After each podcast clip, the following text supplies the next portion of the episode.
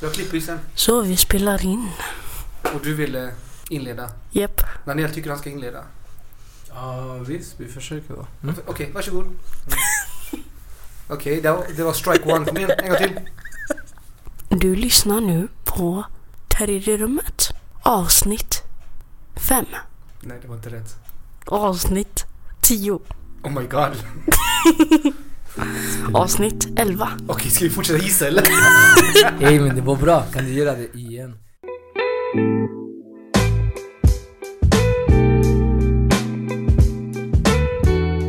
Du lyssnar på Tredje rummet. Avsnitt 8. Boom. Du känner inte Boom. någon Daniel? Alltså P3 Dokumentär kan slänga sig i väggen med den rösten alltså. Shit. Han är, med, han är begåvad. Begåvad. Välkomna till Tredje rummet. Mm. Alltså, Creepy-podden man. Ja men han är, ja. Men, men, Sen går det för långt sen ibland. Det det- Ja. Tagga ner. Men det är pubertet. Det är puberteten, jag säger till dig. Men, men du, vem, vem är Daniel?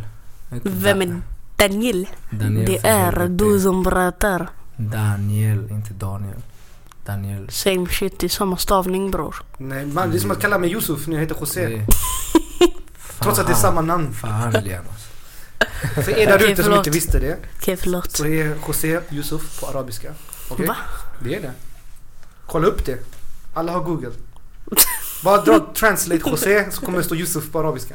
Mhm. Så Ja, mina damer och herrar, välkomna till dagens avsnitt av tredje rummet. Det här Tredje, rummet. podcasten där vi kan prata om allt som rör förort, miljonprogram, konst Kultur, Musik. samhälle, och lite musik, jag vet inte. livet Livet. generellt. Mm. Och eh, i Livet dagens och- avsnitt så är det inget annorlunda. Vi kommer att snacka om allting som är tabu där ute. Du vet, Om ni jobbar på SOS och ni inte får prata om mångfald, här kan vi prata om mångfald. Om ni Japp. jobbar på någon institution inom staten eller kom- kommunen där de säger Ey, ta inte upp frågan om mångfald annars sparkar vi dig. Ey, här kan vi göra det. Det är inga problem. Här, här kan vi snacka om mångfald, om jämlikhetsdata, vi kan snacka om rasism, vi kan snacka om Avicii. Ingen kommer skylla på oss för det. Mm. Bara vi inte pratar skit om någon. Inte, inte prata skit om Avicii för då flippar vår ljudtekniker fattar ni? Just det, Lianos. Då kommer jag med AK47. Bra, bra. Vilket är på skämt. Ja. Ja det är Ni kan på inte stämma oss för något. Nej men det, det, ändå, det finns något, något annorlunda. Det finns ett rop på hjälp från Elianos, jag vet inte. Vi måste Ja, snacka har, om... du, se- har du sett hans frisyr nu? Åh, Det ska- har klippt sig så fint. Alltså först eh, den här Beckna-mobilen. Ingen är. Vadå Jag- fint? Ber er, kom inte och invig mig. Okej? Du Jag är så- redan misshandlad utav José nu. Va? Nej jag skojar. Ja, vi, vi klipper bort Gott. den där. Vi måste, vi måste snacka om hans pubertet någon dag. Det här är för roligt. Ja, det går överstyr alltså. Det går överstyr det här. Mm. Men, det finns något annat med Elianos som är intressant.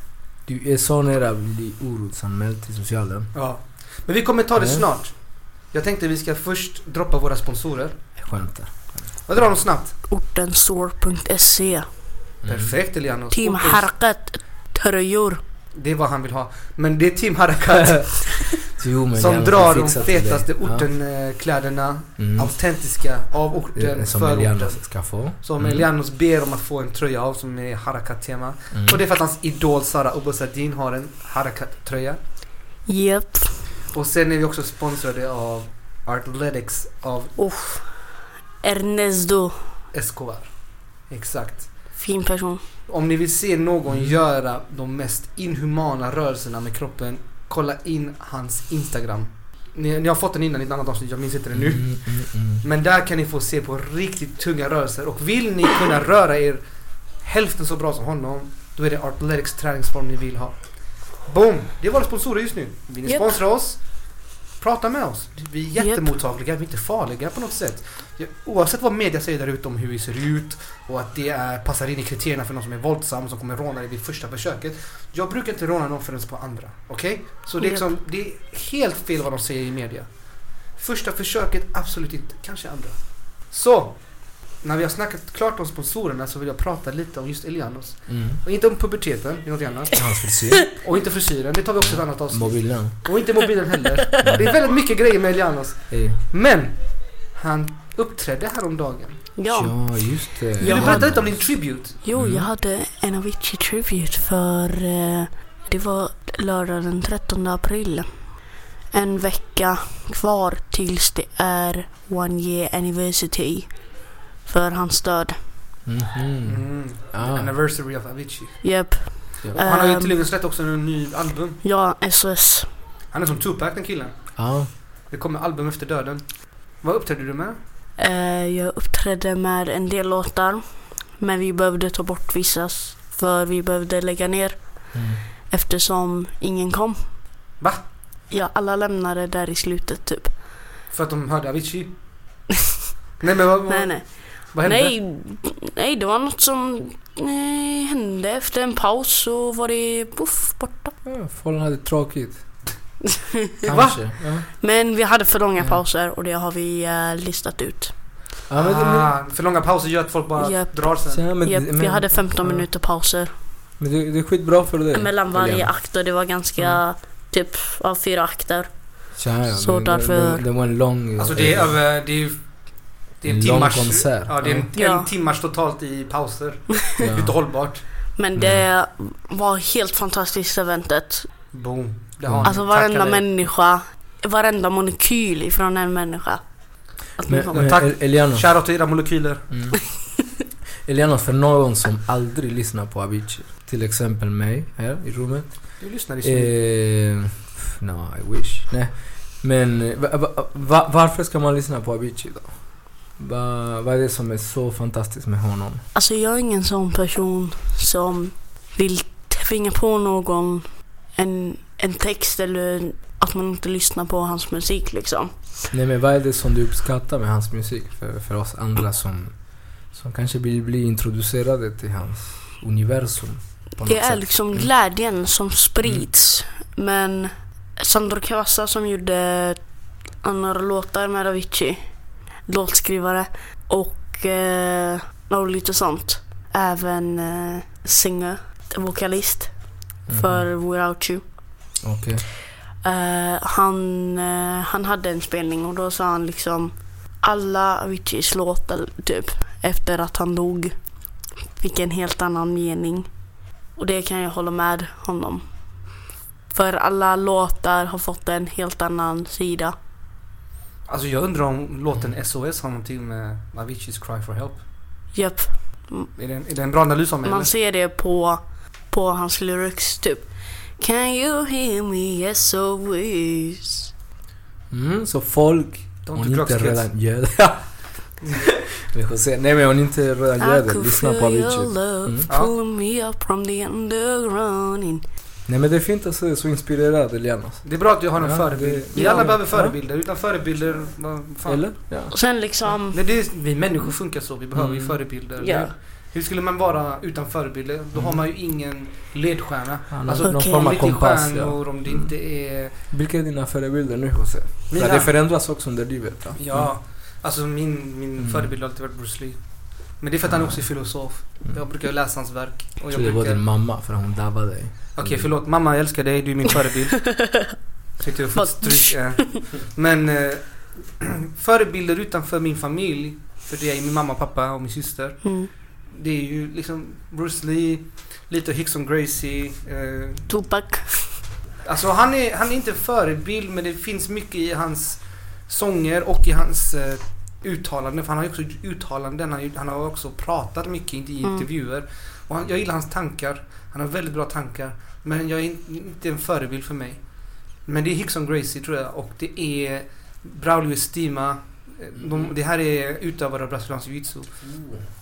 Och det är sådana människor som jag ser upp till liksom. Så jag tror verkligen förebilder är viktiga för att kunna, du vet, visa en vägen lite vart man vill gå. För om jag vill gå en väg så vill jag gärna veta om det är någon som har gått den vägen. Vad gör de? Hur tänker de? Mm, Om det är musik eller om det är kampsport eller om det är konst. Du vet, jag tänker mm, någonstans där så är vi också människor som imiterar mycket.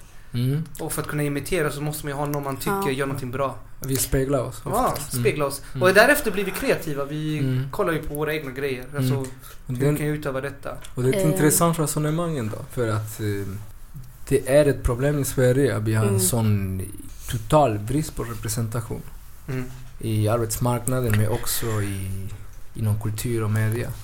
Det betyder då att i Och, kultur och i arbetsmarknaden så finns det inte så många förebilder för ungdomar i förorten till exempel. Nej, och- eller och för inte inte se personer, upp till. ja, inte ens för personer som är kanske svenskar men, men som inte är så här pigment i, hu, i, i huden. Eh, på tal om kulturförvaltningen där jag jobbar, i i de miljöer som jag sitter i, jag är oftast den enda personen med utländsk bakgrund. Men det finns inte heller svenskar som inte är vita i rummet. Alltså, så shit. mm, det, det är klart det påverkar på ett sätt. Och nu tror jag liksom kultursektorn är extremt homogen men det är inte heller em, ett undantag. Det är ganska representativt för eh, många andra sektorer också. Men då förstår man varför du är en Mm. förebild för väldigt många. Men hur, är, hur är det för dig på din arbetsplats, José? Alltså jag vet inte. Alltså jag, Mm. jag, jag ser inte så mycket mångfald. Jag är nog den enda på min enhet som jag jobbar på. Där jag eh, är icke-vit till exempel. Eh, men jag tror inte jag jobbar heller på en myndighet där man kan vara en förebild för någon. Utan det, jag jobbar bara. Ja, det, är inte lika publik. Men det, Nej, vi är bakom kulisserna. Ja, men det är viktigt, alltså, det är viktigt det här med representation överhuvudtaget för att eh, nu vi lever i tider där Mm. exempelvis eh, somaliska och arabiska, jag tror arabiska är den andra och somaliska är den tredje största språk bland barn och ungdomar efter svenska. Ehm, och vi lever i städer som Göteborg, Stockholm, Malmö som som är väldigt, eh, väldigt plurala, är väldigt divers, diversa i sin, i sin befolkning. Vi, Mm. vi, alltså jag tror liksom runt över 40 procent av befolkningen i stora städerna har någon form av utländsk bakgrund. Mm. Så det måste speglas i våra institutioner, i vår konst och kulturproduktion och eh, också i våra beslutande institutioner och organ i, i, i landet. Jag tror det är viktigt. Mm. Det är en utmaning för Sverige. Mm. Fast sådana saker är inte synliga heller. Men Mm. alltså, vi har pratat för mycket om jämlikhetsdata men vet, Mm. det är en form av mätare för att kunna veta att vi behöver mångfald. Men just nu har vi inte ens ett sånt samtal. Nej, det, Där mångfald av olika grupper, olika liksom, minoriteter Mm. ska representeras för att kunna bättre spegla samhället som vi lever Mm. i idag. Idag är vi väldigt hierarkiska. Liksom. De, många, min- många av de som inte speglar resten av samhället har makten. Och eh, det är därför eh, jag tror att det...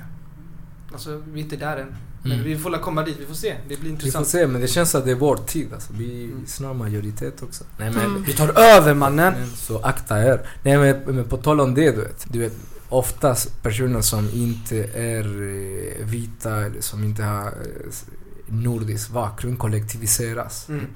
Och det finns många namn för oss. Eh, invandrare, utlänningar, svartskallar, blattar och så vidare. Och eh, om vi själva börjar kollektivisera oss på det sättet, vi är inte få, vi är inga minoriteter. Vi är en enda stor grupp som växer stadigt. Så det känns att det här är vår tid. Har du läst någon bok eh, nyligen eller? Du låter väldigt inspirerad. Nej, nej, inte ens. nej, men, eh, Du låter som en revolutionär. nej, men på riktigt alltså. Du vet. Men, men det är intressant för att de kollektiviserar oss med, med, med, med, med ett annat syfte. Och det syftet är att avhumanisera oss, att på något sätt eh, signalera att eh, vi inte tillhör normaliteten. Mm. Eh, Den normaliteten där man, man har friheten av en individ tillhör endast eh, svenskar. Mm. så har den, den rätta etniska bakgrund.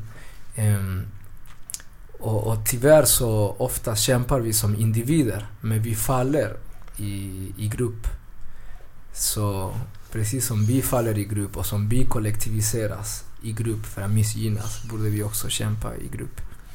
Och det är också lätt att Mm. eh, identifiera hur vi kollektiviseras och avhumaniseras i grupp. För att det, hur man talar om den gemensamma gruppen invandrare och hur man pratar om till exempel svenskar. Det, det skiljer sig så jäkla mycket. Ja, Mm. extremt, Jättemycket. absolut. Särskilt oavsett om man, Mm. vilket område man bor i. Men jag tänker så här. Har ni hört om det senaste med Patricio? En chilenare som ville hämta sina sju barnbarn från Syrien. För att han är Marcus Skråmo, eller vad heter han? Ja, just Någon svennebanan som blev radikaliserad. Egent, egentligen Han han gick och stred för. IS. Jo, det är en svensk. En svensk kille. Han, åk, han åkte Va? till Syrien för att strida för IS. För. Daesh. Nej, Och Daesh. Och han absolut. dog. Men han lämnade efter sig sju barnbarn. Eller nej, sju barn, förlåt. Saken är att hans svärfar är chilenare. Och Och han är i Syrien just nu. Han vill hämta hem sina barnbarn. För att de blev lurade. De trodde de var på semester i Turkiet. Det var det. Hans, dot, hans dotter är död mannen. Hans dotter dog också i Syrien. Men, Så den smärtan han känner att han förlorat sin dotter.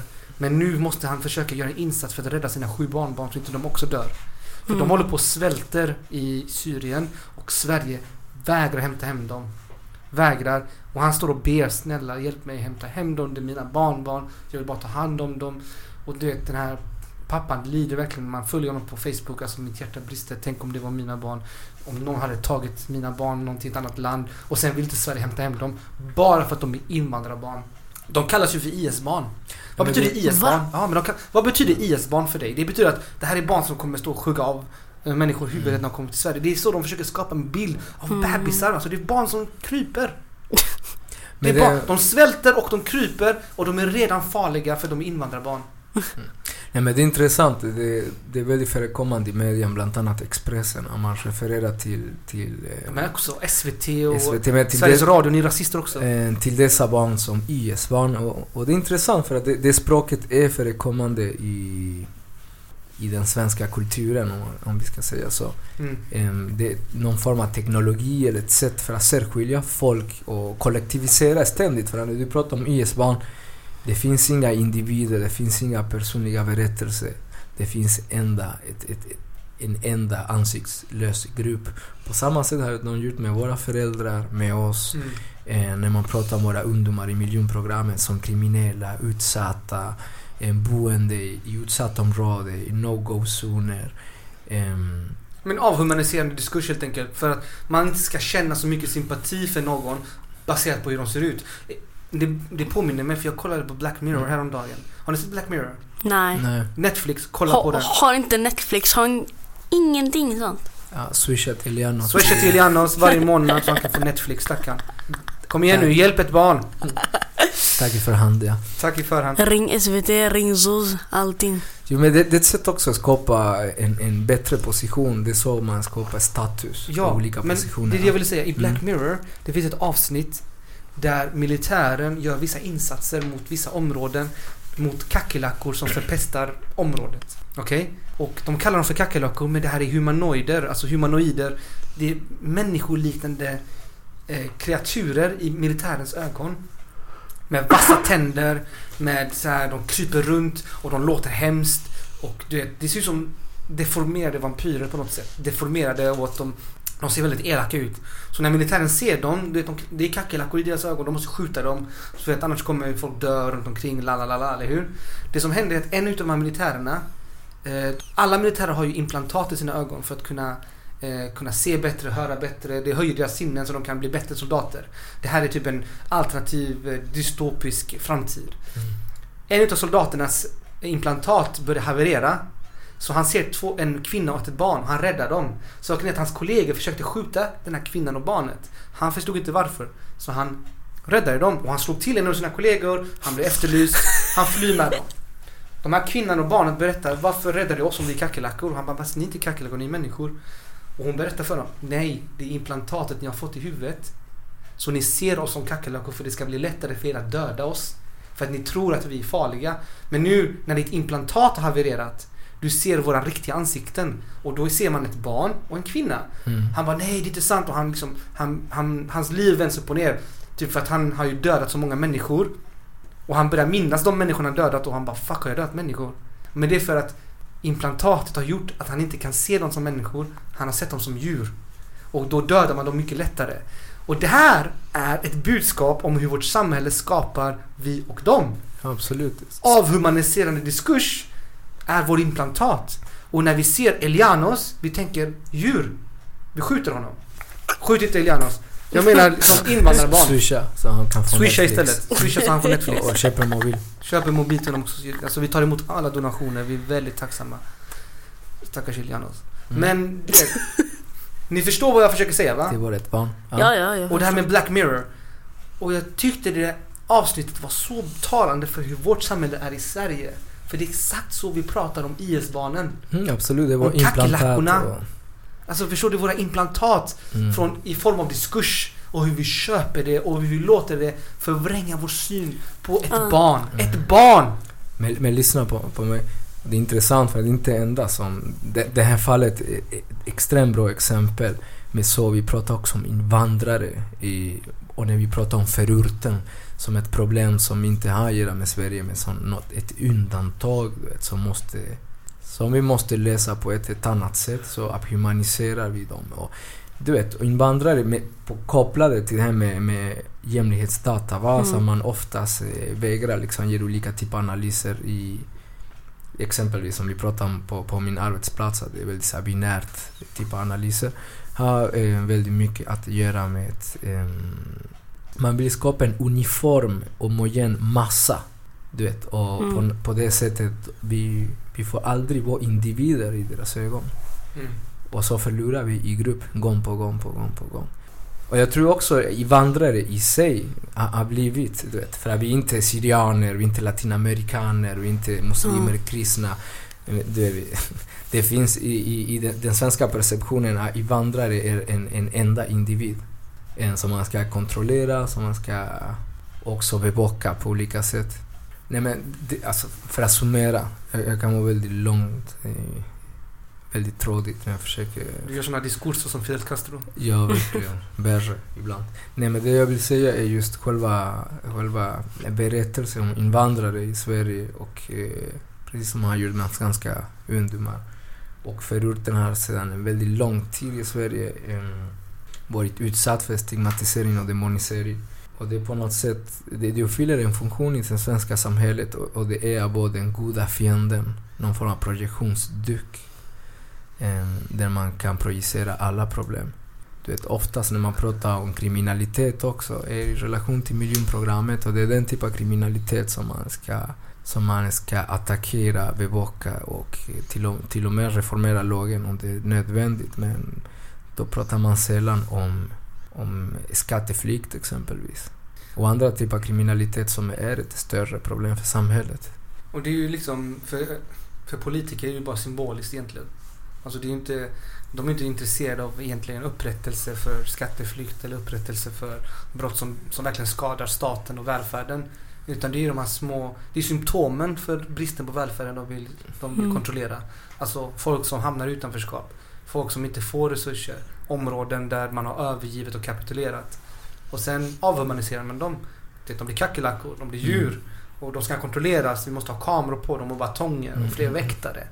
Och sen har vi de här två veckors utbildningen för väktare så att de, de ska inte lära sig De ska inte lära sig empati och, human, och humanism. De ska bara lära sig hur man, hur man svingar en batong rätt och hur man gör en, en, eh, en anmälan till polisen. Liksom det är allt man har lärt mm. sig. Det är verkligen ingenting. Du vet, och den här diskursen finns också, den här våldsbejakande extremismen. Vi har pratat om extremisering tidigare på, på tredje rummet. Men det, det, det, är intressant. Man har gjort frågan till religiöst fundamentalistiska grupperingar med sättet i förorten, återigen, det förorten som är återkommande problem. Du vet, med de här omfattande attentat och bränder på asylboende och, ehm, och ehm, vi har även haft många mord som, är, som har att göra med, den, den, med högerextremismen och mm. Grupper som är ideologiskt till höger det finns inte med vet, i den berättelsen. Så det måste... Jag tror liksom det måste vi lära oss alla, att konstruera den diskursen och se vad är det som... Hur makten döljer sig. Dekonstruktion, det. Mm. ladies and gentlemen som lyssnar, innebär att när ni lyssnar på människor som pratar eller skriver som i Expressen eller det är ett annan rassemedia som typ SVT.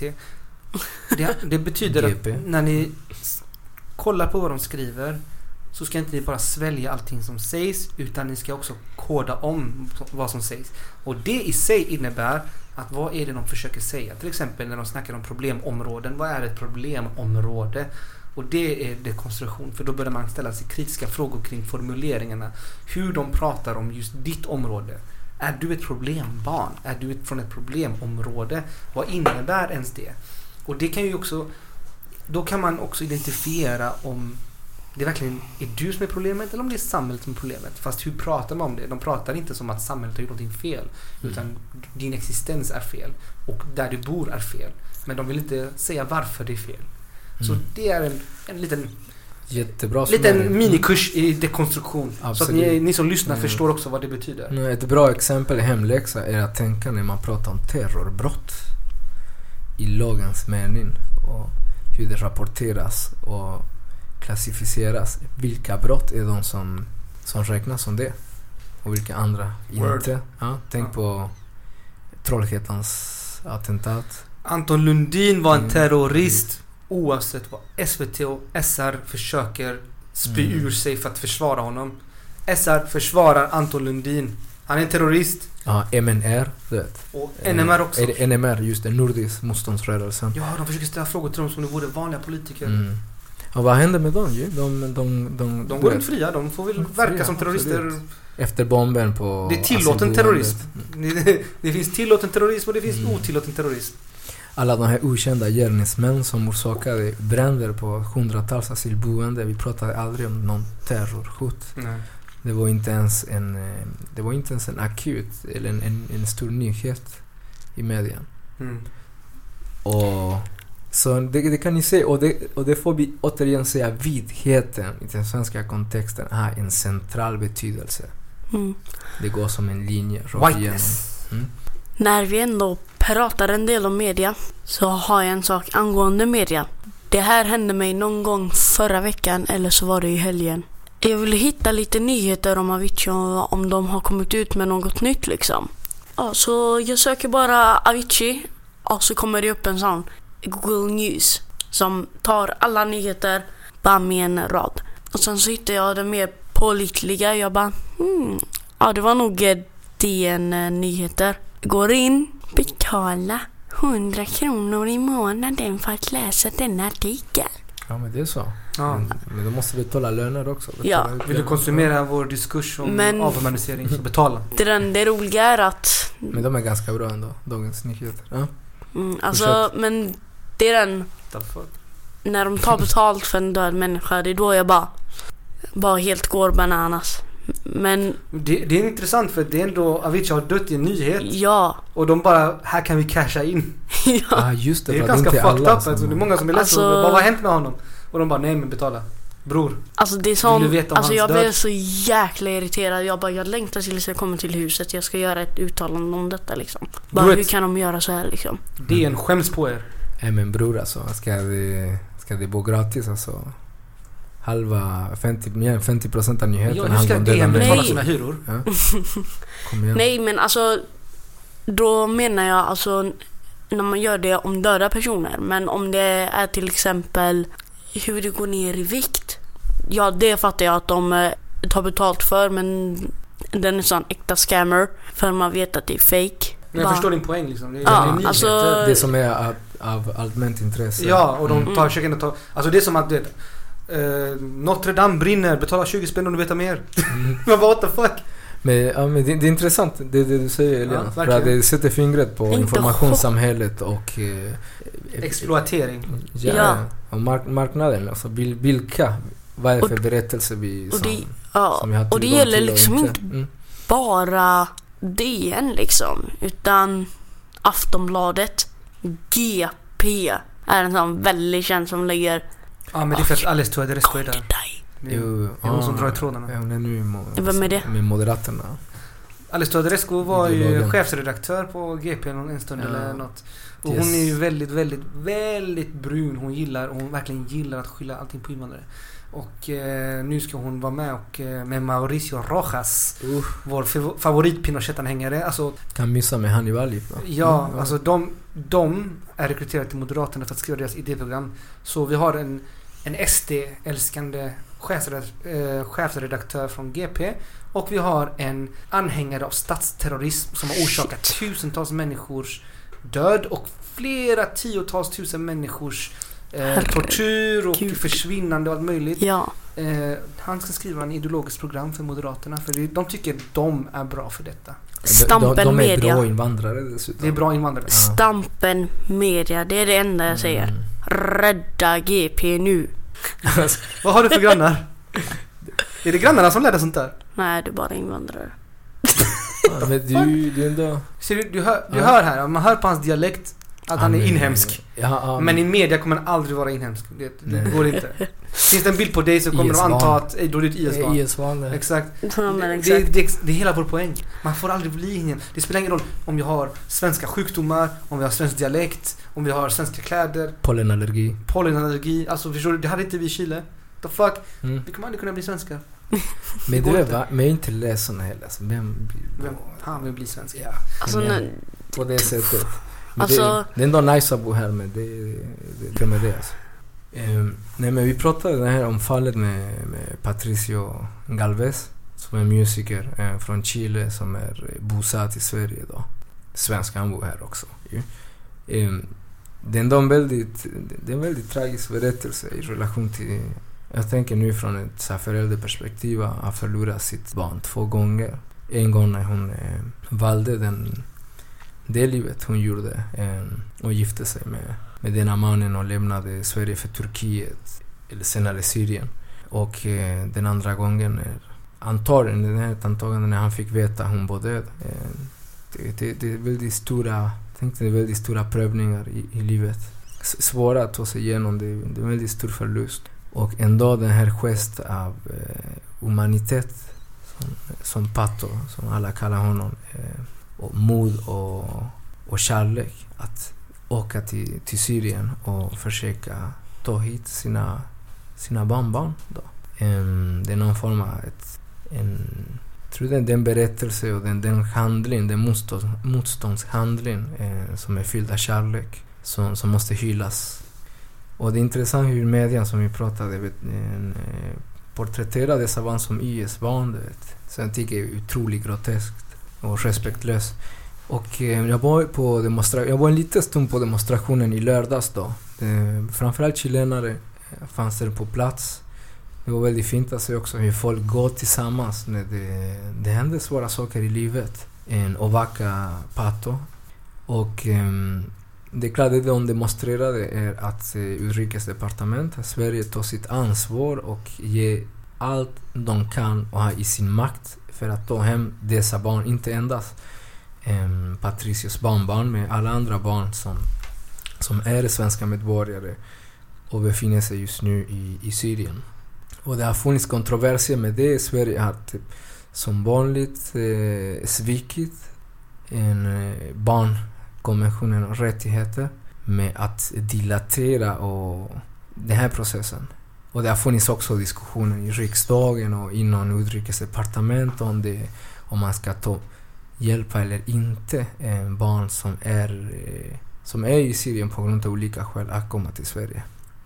Nu pratar jag om de, de som är eh, barn till svenska medborgare då, som valde att åka ner till Syrien och strida för IS eller befinner sig i Syrien. Kanske på grund av andra motiv.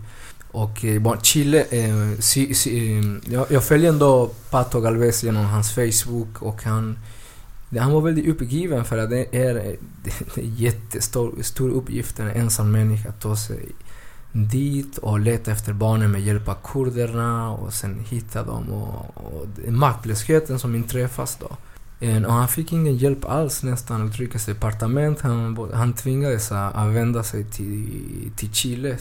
Ja, Chile reagerade. Chile reagerade snabbare och då, eh, som, som jag har förstått rätt, en, och jag har missförstått det så kan vi prata om det i nästa avsnitt. Sverige har satt stopp på deras intervention och sagt eh, nej, ni får inte hjälpa barnen för att de här barnen är svenska barn. Och eh, du vet, varje dag, varje timme, det räknas. Vi pratar om små barn som inte har några föräldrar. Som Men det är intressant. För de vägrar ju göra någonting själva. Och ingen annan får hjälpa dem. Ja, så det, för mig, det, det som symboliserar nu när Sverige väljer att reagera och hjälpa Patricio, det, är så, em, det, det verkar så i alla fall i, i, i, i söndags, i måndag, var inte i relation till, till barnen, det var i relation till prestige. Du vet, nu när Chile reagerar så vi, vi måste vara bättre än dem. Så det handlade mer om en politisk utspel, en, en, en genuin vi, vilja till att eh, ingripa Har Sverige någonsin en genuin Mm. vilja att hjälpa icke-vita barn? Det, du vet, så det...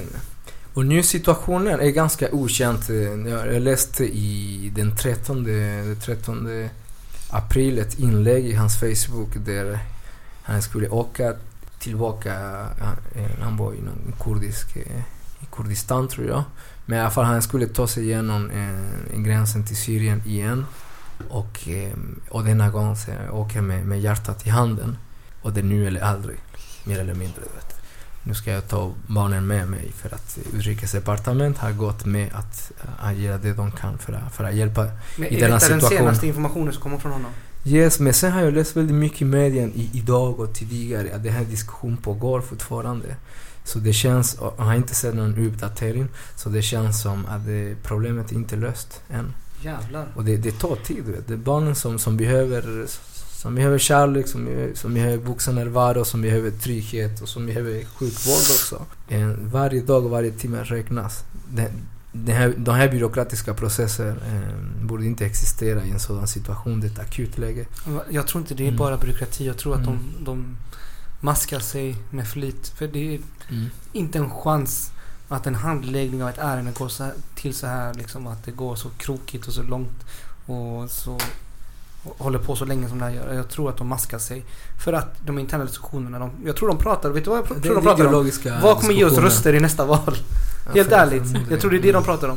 Vad, vad kommer vi vinna röster på? Vi kan inte vinna röster på att rädda IS barn. Och de, de har själva köpt den bilden. Så de avhumaniserar människor redan på riksdagsnivå. Och det är där problemet ligger. Inte i Ja. utrikesdepartementets rutiner. De har rutiner för att hämta hem svenska medborgare. Det gjorde de väl i, i, i tsunamin i Thailand.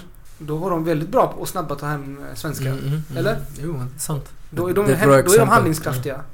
Så Mm. jag tror inte det har med rutinerna att göra. Mm. Sen det här, eh, den som du pratade, mannen då som du också, som var gift med, med Patricios eh, dotter. Han är norsk medborgare men bosatt i Sverige, eller svensk resident. Mm. Säger man så? Han är residente. Ja, resident. jag tror att det heter så. Ehm, för att klargöra. Men, nej men som sagt efter denna den här så allvarliga situation som, och akut situation som vi pratar om, eh, allt stöd till, till Patricio och hans familj. Shoutout till Patricio. Alltså Mm. shit vilken kämpe. Big Och- shoutout. För hans familj också och hans barnbarn. Herregud. Och eh, du, du har blivit en förebild eh, för många och du har inspirerat många verkligen. Jag tror också det blir en symbol för kärlek Mm. och förlåtelse och för omhändertagande och omsorg. Mm. För att det här är, det är barn. Det är inget annat. Det går inte att säga något annat. Men för svenska medier som försöker säga något annat. Det är för att ni är rasister. Ni, Åh. ni avhumaniserar människor. Vet ni vem som avhumaniserar också? Djävulen. Shaitan. Har ni kollat upp vad ordet djävul betyder eh, alltså på ordboken? Det är avhumanisering, alltså devalvering. Det är Vad ett utav, betyder det? Devalvering är ett utav djävulens främsta egenskaper. Det är att man, man sänker någots värde.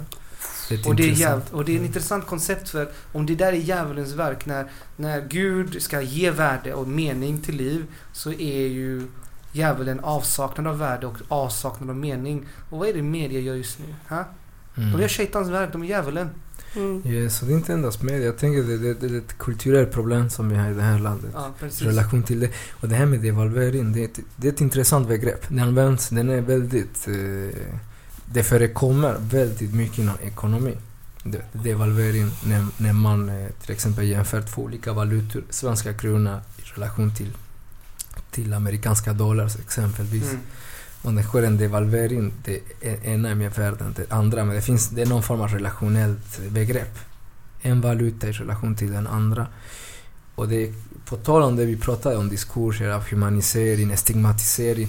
Det är det de försöker göra oftast med oss, personer som inte är vita, som har utländsk bakgrund, som bor i miljonprogrammet. De försöker devalvera oss. Ehm, och det är ett sätt att förhöja sig själva också. Ja, verkligen. de konstruerar Det är så man höjer sitt värde. Mm. Istället för att producera mervärde Mm. så producerar man Så devalvering. Man, man, man sänker de, de Sänker andras värden. Mm. Exakt, då, då ser man bättre ut.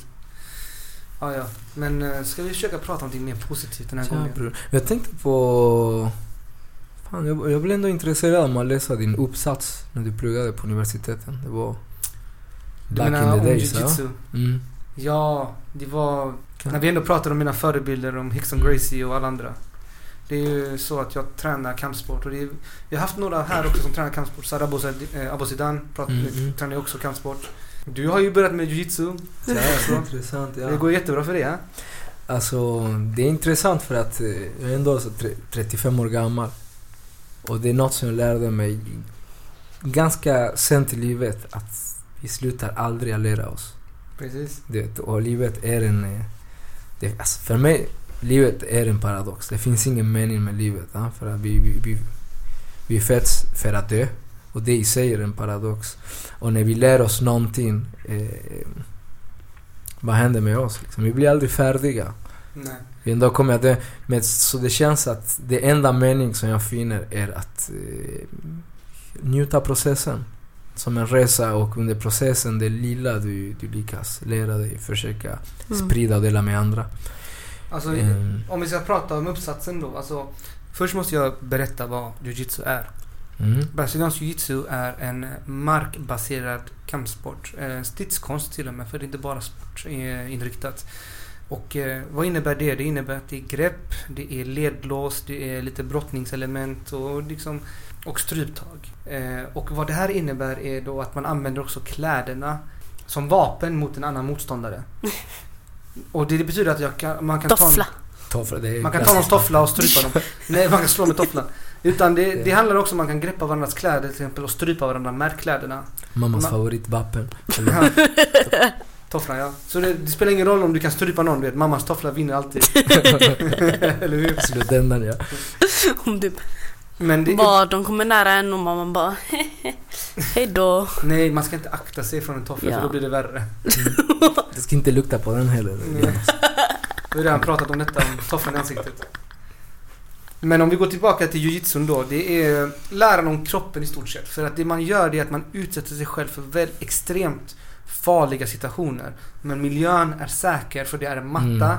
Och när man är tagen i ett ledlås, det betyder att när din arm kan brytas, eller ditt ben kan brytas. Mm. Eller ett stryptag där du kan eventuellt svimma, vilket har hänt. Mm. Det händer. Men man ska ändå klappa då. Det är det som är eh, den ultimata gesten för att matchen är över. Jag kunde ha dött. För Mm. man måste också förstå det. Det är en symbol. Att klappa på mattan är en symbol för att nu Ge ger jag, nu ger jag Mm. upp. För att om jag inte hade gett upp så hade min arm gått av. Mitt knä hade krossats eller jag hade somnat för att du stryper mig. Alltså man måste förstå vikten av den gesten. Så det är en läran om både ditt psyke och din kropp. För Mm. det finns mycket saker som händer med kroppen när man tränar just brasiliansk jiu-jitsu. Man ställs inför sig själv och sina emotionella processer. Mm. Man, första gången man tränar brasiliansk jiu-jitsu så blir man överväldigad av hur mycket stryk man får. Det är ingen rolig känsla. Alltså det är Nej. så mycket skit man får.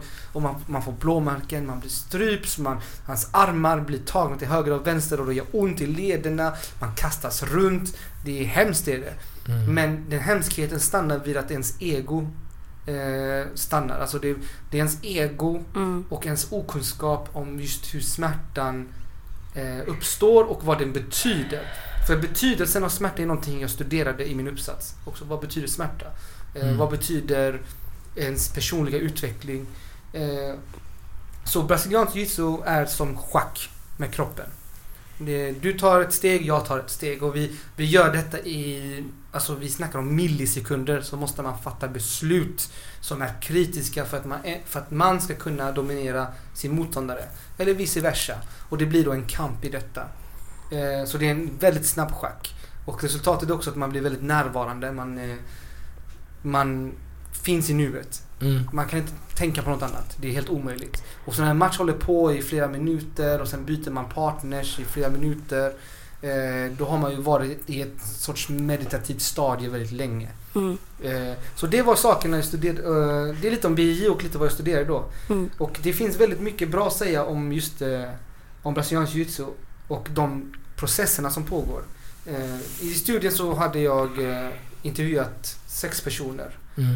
Tre killar och tre tjejer. För att ta reda lite på hur eh, både skillnaden mellan killar och tjejer, jag gjorde ingen genusanalys, det, den, är ute, den uteblev. Men hur det är med utvecklingen av den individuella identiteten, hur, hur man Mm. ser på sig själv och sin kropp. Det var jätteintressanta saker. I relation till sporten då? Ja, I relation till livet också. Till livet. För att jag tror att Mm. min tes var ju att det du lär dig på mattan följer också med dig utanför. Mm. En grej var ju till exempel att det var en tjej som pratade om hur en vardag kunde se ut på arbetsplatsen. Att, eh, hur man såg på sin kropp. Att man insåg inte att man kunde göra saker med sin kropp. Att den kanske var bara mer estetisk. Och att man, man hade ju vissa rädslor för det okända. Och det okända kan ju vara att man vet inte om detta leder till smärta eller inte. Eller att smärta kan vara farligt för ens liv och eh, välbehållenhet. Eh, och ganska vanligt med våld mot kvinnor till exempel. Att man, eh, det handlar inte om att någon tar på din axel, att det skulle göra ont. Men Mm. det är vad det kan leda till som är skrämmande. Jag vet inte om jag kommer få ont snart. Eller om liksom, kommer du misshandla mig? Du vet, du är man. Eh, Så kunde en tjej berätta, nu är det min egen analys nu, du sa inte tjejen till mig. Men den här tjejen i studien sa till exempel att det kunde vara lite Personal space var väldigt viktigt och när någon kom med en hand på axeln på jobbet trots att de har jobbat ihop länge kunde man vara ah du är för nära mig. Förstår du? Mm. Du vet att man, man flinchar lite. Att, ah, varför tar du på mig? Men efter att man har utövat BJJ ett tag. Mm. BJJ är förkortning för brasiliansk jiu-jitsu. Då var man själv den som gick runt och kramade folk. Att man blev väldigt närgången. För eh, det här är en väldigt närgången kampsport. Mm. Och att man är själv den som går runt till samma kollegor man kramar. Och det, man, man har en helt annan kroppsuppfattning. Man har en helt annan uppfattning om närhet. Och en helt annan uppfattning om smärta och rädsla. De här skiftar hela ontologin. Ontologi betyder sättet att eh, förstå världen på. Man, man, lär sig läsa av på ett annat sätt. Exakt. Mm. Och jag tror att detta har att göra med någon sorts emotionell intelligens. Hur man lär sig tolka sina känslor. Mm. Hur man lär sig tolka kroppar. För att kroppar, alla kroppar är likadana. Och, och fysisk kontakt. Precis. Mm. Jag tror fysisk kontakt Mm. normaliseras i, i utövandet. För man är, man är ju påvarande hela tiden. Så att någonstans avtrubbas man för närheten. Mm. Men jag tror att den här emotionella intelligensen kring sina egna känslor i olika situationer kommer från när man lär sig ta stryk på det sättet som man får i BI. Ett annat bra citat är ju Jag har aldrig haft så ont i hela mitt liv som när jag började i BI. Men jag har aldrig varit så lycklig heller. Så det är liksom det som eh, är lite sakerna som kom fram då i studien. Och, och brasiliansk jiu-jitsu är definitivt en sån eh, kampsport eller stridskonst jag skulle eh, rekommendera för många som kanske behöver liksom förstå sin kropp på ett annat sätt. Jag tror, Mm, mm. det jag brukar säga så här, det är en sak att lära känna dig själv i teorin. Alltså det är en sak att tänka om dig själv. Det är väldigt filosofiskt. Ja, Mm, tänk om dig själv. Det är en annan sak att sitta eller ligga eller stå upp i en live fight mot någon där det nästan inte finns några regler och Mm. lära känna dig själv på riktigt. Alltså hur, hur är du i sådana skarpa situationer? Vad känner du? Vad tänker du? Hur reagerar du? Liksom, allt det där spelar roll för hur vi är. Och hur, hur vi rör oss, hur vi beter oss. Tänk dig att om du blir väldigt frustrerad eller om du har ett stort ego och gör ursäkter. Där kan du inte göra några ursäkter. Så när du Mm. lär dig att träna på ett sånt sätt där du bygger upp din självkänsla, självförtroende, din teknik. Utan att göra ursäkter för dig själv. Där du innan gjorde detta i teorin. Att, ja men hade jag bara tagit i lite mer. Eller hade jag bara gjort så här. Eller egentligen är jag smartare än vad jag tror att jag är. Allt det där försvinner när du inte kan ljuga om det på mattan. Och det följer med dig utanför mattan. Mm. Det är en vana. För som Aristoteles sa, vi är Excellens är inte en egenskap, det är en vana. Mm, mm. Tror jag, om det var Aristoteles. Eh, orten, rätta mig om jag har fel. Jag vet inte om det var han som sa det. Någon sa det. Nå, någon sa det. Men det är intressant för att det, det, det, jag, jag tror liksom, utan att ha så mycket kunskap om, om brasiliansk jiu-jitsu, det är väldigt mycket annat som man tar med sig till verkliga, det riktiga livet. Och det finns någon form av grundtrygghet som man får med, med kampsport. Ehm, jag har aldrig varit lagt till kampsport. Utövat tidigare, eh, gick till Angre boxningsklubb eh, ett par år. Ehm, och sen tränade jag kanske någon, ett par terminer thai-boxning. Och det, det hjälpte mig otroligt mycket men, men jag hade inte det här med... Jag var aldrig tävlingsinriktad så det blev för Mm. mig någon form av motion och hälsa. Det var det perspektivet. Men det som jag fick under dessa få åren som jag tränade i boxning eh, följer med mig eh, fortfarande. Och nu, jag önskar jag hade lyssnat på dig José tidigare. Jag kommer ihåg redan för fyra, fem år sedan då vi insisterade. Men kom igen där jag pröva fram brasiliansk jiu-jitsu. Till slutet, det var min dotter som började träna. Ja. Och nu tränar jag med henne eh, tillsammans. Och jag vet att jag kommer inte att bli en bra, en sån här duktig kampsportare men, men det finns en, en hä- hälsoaspekt. Nu när man är 35 det finns kanske andra prioriteringar och det finns en annan motivation i att utöva en sport. Eh, men jag lär mig otroligt mycket och det finns så mycket som jag vill ge till min dotter. Saker som jag inte fick eh, som barn, du vet. Mm. Och så nu, genom, kanske inte genom kampsport men genom andra saker i livet har jag lärt mig som är kontinuitet. Och det är någonting som är väldigt framträdande i brasiliansk jiu-jitsu. Det går inte att rusa sig. Det går inte att ta några genvägar i den sporten. Mm. Det handlar inte om styrka och så vidare. Det handlar om teknik, om bred repertoar olika grepp och rörelsen och förståelse av din och motståndarens kropp som du kan inte leda dig från en vecka till en annan. Nej. Det, du måste Mm. Det utsätta dig. med dig liksom.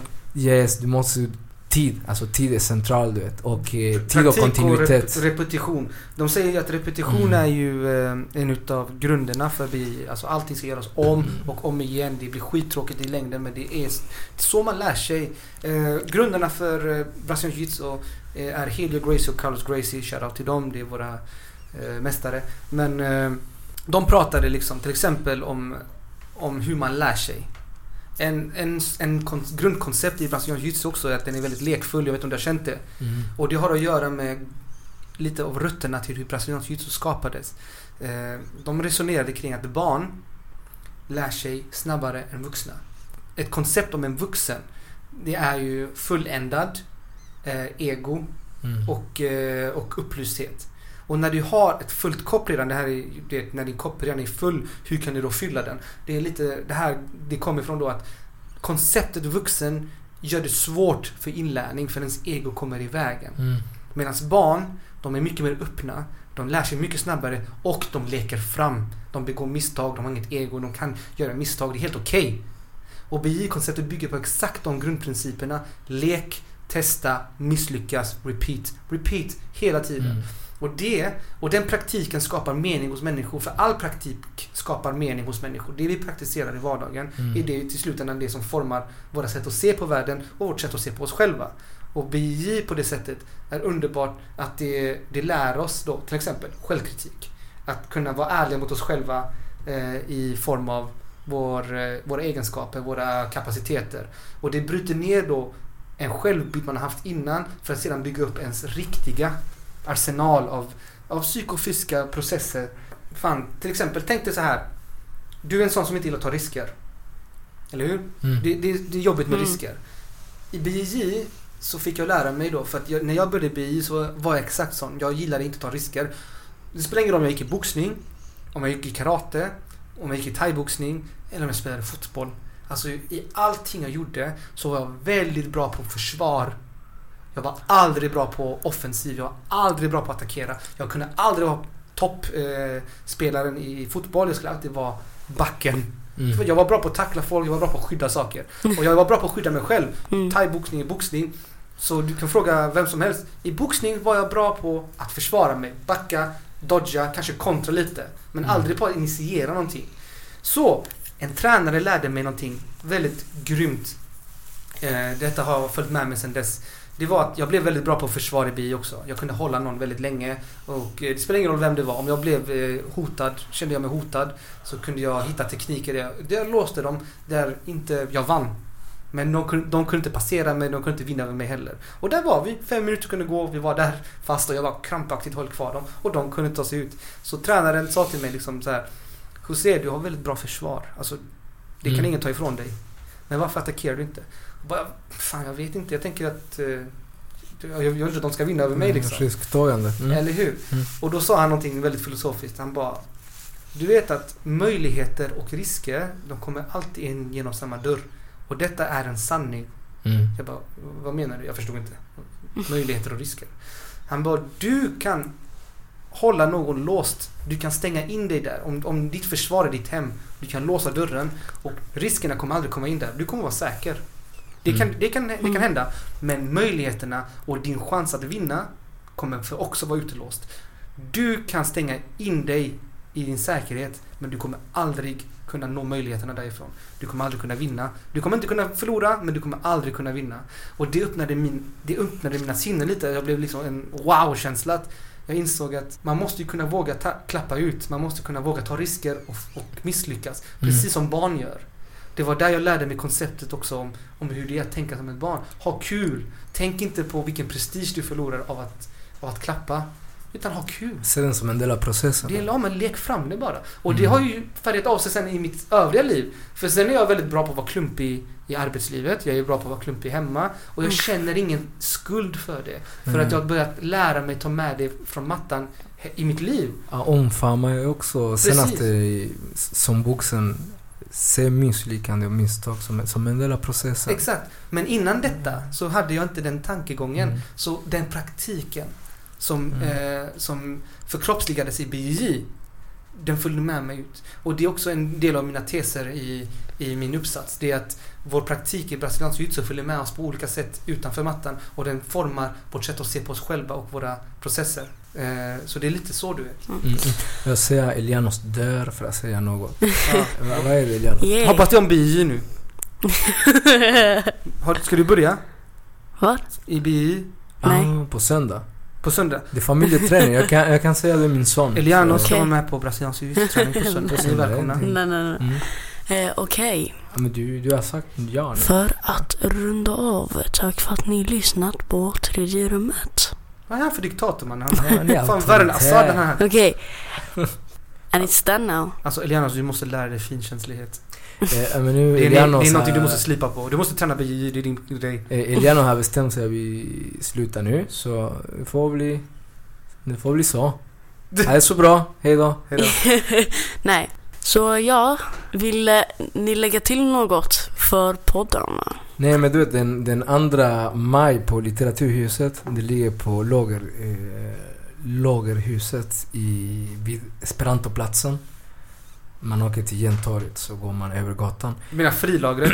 Frilagret ligger också i Lagerhuset. Aha, okej det är olika Mhm. platser. Det, det, precis, det finns även en, en nätverkstad med med, Media Lab och andra verksamheter samma i huset. byggnad? Det är samma byggnad. Ja. En annan entré. kommer eh, släppas en ny bok som skrevs av Uwe Sandhede. En René Leon Rosales och Johan, Johan, Johan Söderman. Typ som Superman, fast Söder, Söderman. Tråkig superhjälte. Men i alla fall, de skrev tillsammans en bok som heter När betongen rättar sin rygg. Orten, rörelsen och folkbildningens renässans. Ehm, och det är intressant. Jag kommer att moderera samtalet och, och vi kommer att prata om boken. Även Sabrin från eh, Ortens konstfestivalen och Forum för de koloniala feminister kommer att finnas på plats. Även en, vår egna idol Sara Garib Shoutout till Sara, du är grym. och andra, och andra poeter också kommer att finnas på plats. Så kom och häng med oss. Eh, jag tror det kommer att bli en superkul kväll. Eh, och Ove, eh, jag respekterar honom faktiskt. Det, jag tyckte det var väldigt, eh, väldigt Bland, bland de första som började skriva om, om miljonprogrammet och intressera sig och introducerade också en koncept som eh, territorial stigmatisering bland annat. Det finns en väldigt bra em, text som han skrev en gång i tiden som Adrian Lopo från Antirasistiska akademin en har rekommenderat till mig som hette eh, Waiting for Mandela. Ja, det är inte från Alienation is my nation va? Nej, nej, det, Det en eh, det kommer senare. Och eh, det är intressant och det är från en citat, en, en ungdom som han intervjuar. Så han pratar med, det här i Sverige, det, vi lever i en total apa, apart, ap, apartheid. Ja, vi, vi måste snacka mer i de termerna för vi gör inte det idag. yes. Shoutout till Ove Senhede. Tung är du. Eh, och så den enda Ja. skillnaden är att eh, med, med, mellan oss och Sydafrika idag är att Sydafrika haft en Nelson Mandela. Vi God väntar damn, på en. Det är bra. Mm. Så det är intressant då, för de som inte vet, Urtens rörelse är det samlade namnet på den mobilisering och organisering som sker just nu i stigmatiserade bostadsområden i, i storstädernas miljonprogram. Orten gör comeback bror. Yes, Och ni det går vet inte vad som väntar er. Ni tror att våran podcast är det enda som vi har. Vi har ett nätverk runt Sverige bror. Mm. Och vi alla reser oss upp. Poeter, konstnärer, tjänstemän, forskare, Idrottsrörelsen. Exakt. Ni inte underskatta. Verkligen. underskatta inte den icke-vita rörelsen från förorten för vi kommer ta över. Och den har kraft, så akta dig. Boom! Refugees taking over. Fattar ni? Det är det. Så, och med det slutar vi. Ta hand om er folk. Yep. Peace Pe- out. Peace out.